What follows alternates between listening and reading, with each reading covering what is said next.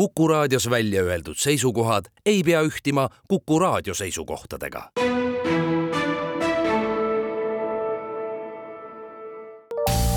terviseks. saade valmib koostöös Ida-Tallinna Keskhaiglaga. vaata ka itk.ee tere, head Kuku kuulajad, eetris on saade Terviseks ja kui me eilses saates rääkisime emakakaelavähist ja selle varajase avastamise tähtsusest, siis tänasel teemal me jätkame. mina olen Ingela Virkus ja koos minuga on stuudios Ida-Tallinna Keskhaigla naiste nõuandla osakonna juhataja ja naistearst doktor Külli Erlang, tere taas! tere! Kui naine on vanuses, kus ta hakkab kutseid sõeluuringus osalemiseks saama, siis kas sellest üldjuhul piisabki, et ta kenasti neil osaleks iga siis viie aasta tagant või kui kaebusi pole, siis võiks ta ikkagi näiteks korra aastas regulaarselt oma günekoloogi juures käia? Naistearsti juures peaks ikka käima, vähemalt korra kolme aasta jooksul. Ja tegelikult naistearst teeb siis plaani, mõnda naist me kutsume kontrolli kuue kuu tagant, mõnda aasta tagant. Ja mõnikord ütlemegi, et kui kaebuseid ei ole, siis iga kolme aasta tagant näiteks. aga kontrollis peab käima.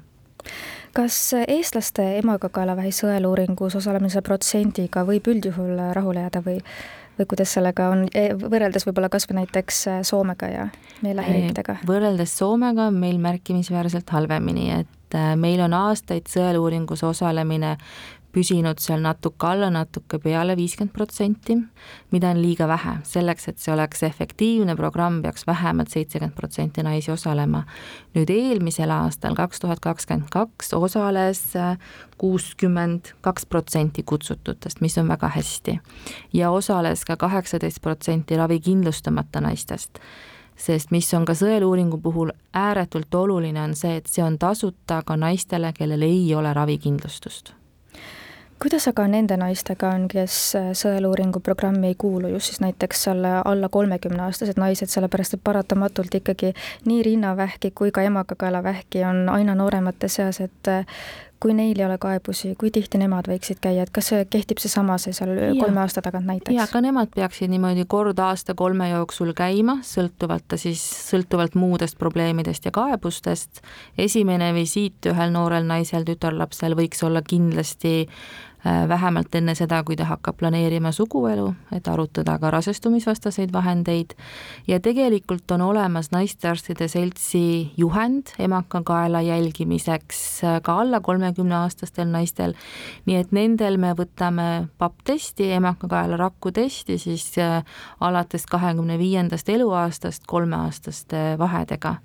ja kui nüüd ämmaemand Äh, või naistearst näeb midagi, mis talle muret tekitab, siis alati me saame väljaspool neid aegasid ka võtta testi üks asi on siis see, et tehakse need vajalikud testid, aga mis veel võiks kindlasti olla selle visiidi juures, sellise tavakontrolli käigus nii-öelda need küsimused võib-olla, mida tuleks üle küsida, üle vaadata või, või milline see visiit peaks täpsemalt olema?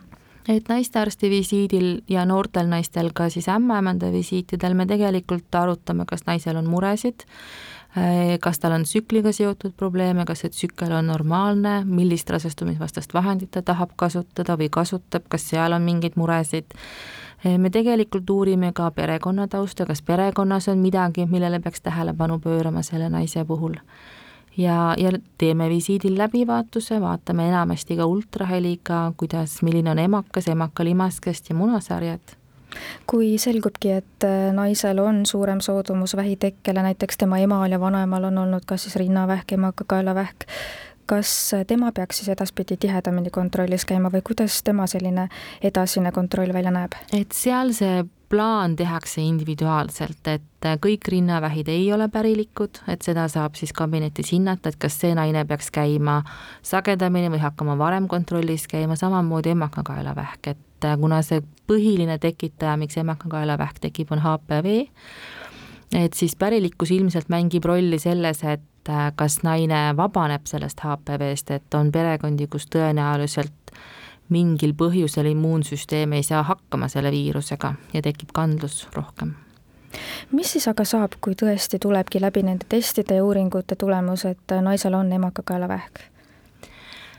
kui nüüd äh, nende esmaste analüüside vastus on see, et seal on juba vähirakud, et siis tegelikult kõigepealt tulevad täiendavad uuringud, kompuuteruuring, magnetuuring, et vaadata, eh, millises staadiumis see kasvaja on, kui suur ta on, kuidas ta täpselt paikneb seal emakakaelas ja siis sõltuvalt sellest tulemusest planeeritakse ravi. kui tegemist on väga varase staadiumi kasvajaga, siis tavaliselt tuleb äh, operatiivne ravi kui see kasvaja on juba levinud ja suurem, et siis enamasti on seal keemia ja kiiritusravi. et mida varem me vähi avastame, seda tõenäolisem on see, et, et saab ravida inimese terveks palju räägitakse staadiumitest, et kas siis see varajane on see esimene ja teine ja hilisem esimene sealt... ja, ja sealt teise, need staadiumid jagunevad ka omakorda mitmeks, et esimene staadium on see, kus see tõenäosus, et me saame inimest äh, hästi ravida, on märkimisväärselt suur. milline on täna üldse emakakaelavähi ravi efektiivsus ja kuidas see võib-olla aastatega on arenenud? ravi läheb kindlasti järjest tasapisi efektiivsemaks, et äh, Eesti mure ongi see, et me avastame kolmandiku vähkidest juba, kui nad on levinud ja kolmanda-neljanda staadiumi kasvajad. et tegelikult esimeses staadiumis avastas, avastatud emakakaelavähi elulemus viie aasta pärast on üheksakümmend protsenti peaaegu. et sellega on, on hästi, aga et oluline on see varane leidmine mis ähm, või millega arvestatakse siis, kui naine on sellises eas, et ta võiks veel lapsi sünnitada, aga tal on emakakaelavähk, et kuidas te siis lähenete tavaliselt? ja see jälle sõltub sellest, kui suur on see kasvaja, millise lokalisatsiooniga ja, ja milline staadium. et kui me leiame need vähieelsed seisundid või väga väikese varase kasvaja, siis tegelikult on võimalik ravida ka niimoodi, et naisele jääb alles emakas ja tal on võimalik tulevikus sünnitada. aga aga see kasvaja peab olema siis väga-väga varakult avastatud kui naisel on olnud emakakaelavähk ja ta on saanud ka ravi, mis siis edasi saab, kas see võib kuhugi edasi tegelikult areneda ja, ja tal tuleks ikkagi tihedamini käia kontrollis või? et kui nüüd on äh, pahaloomuline kasvaja diagnoositud ja seda on ravitud, siis need naised jäävad igal juhul vähemalt viieks aastaks kontrolli, kus neile väga täpselt on see skeem, et millal tulla ja mida me siis uurime, et et olla kindlad, et see kasvaja on ravitud ja ta teda ei ole tagasi tulnud aitäh teile saatesse tulemast, Ida-Tallinna Keskhaigla naiste nõuandla osakonna juhataja ja naistearst doktor Külli Erlang ning palju jõudu ja jaksu teile! aitäh! terviseks! saade valmib koostöös Ida-Tallinna Keskhaiglaga. vaata ka itk.ee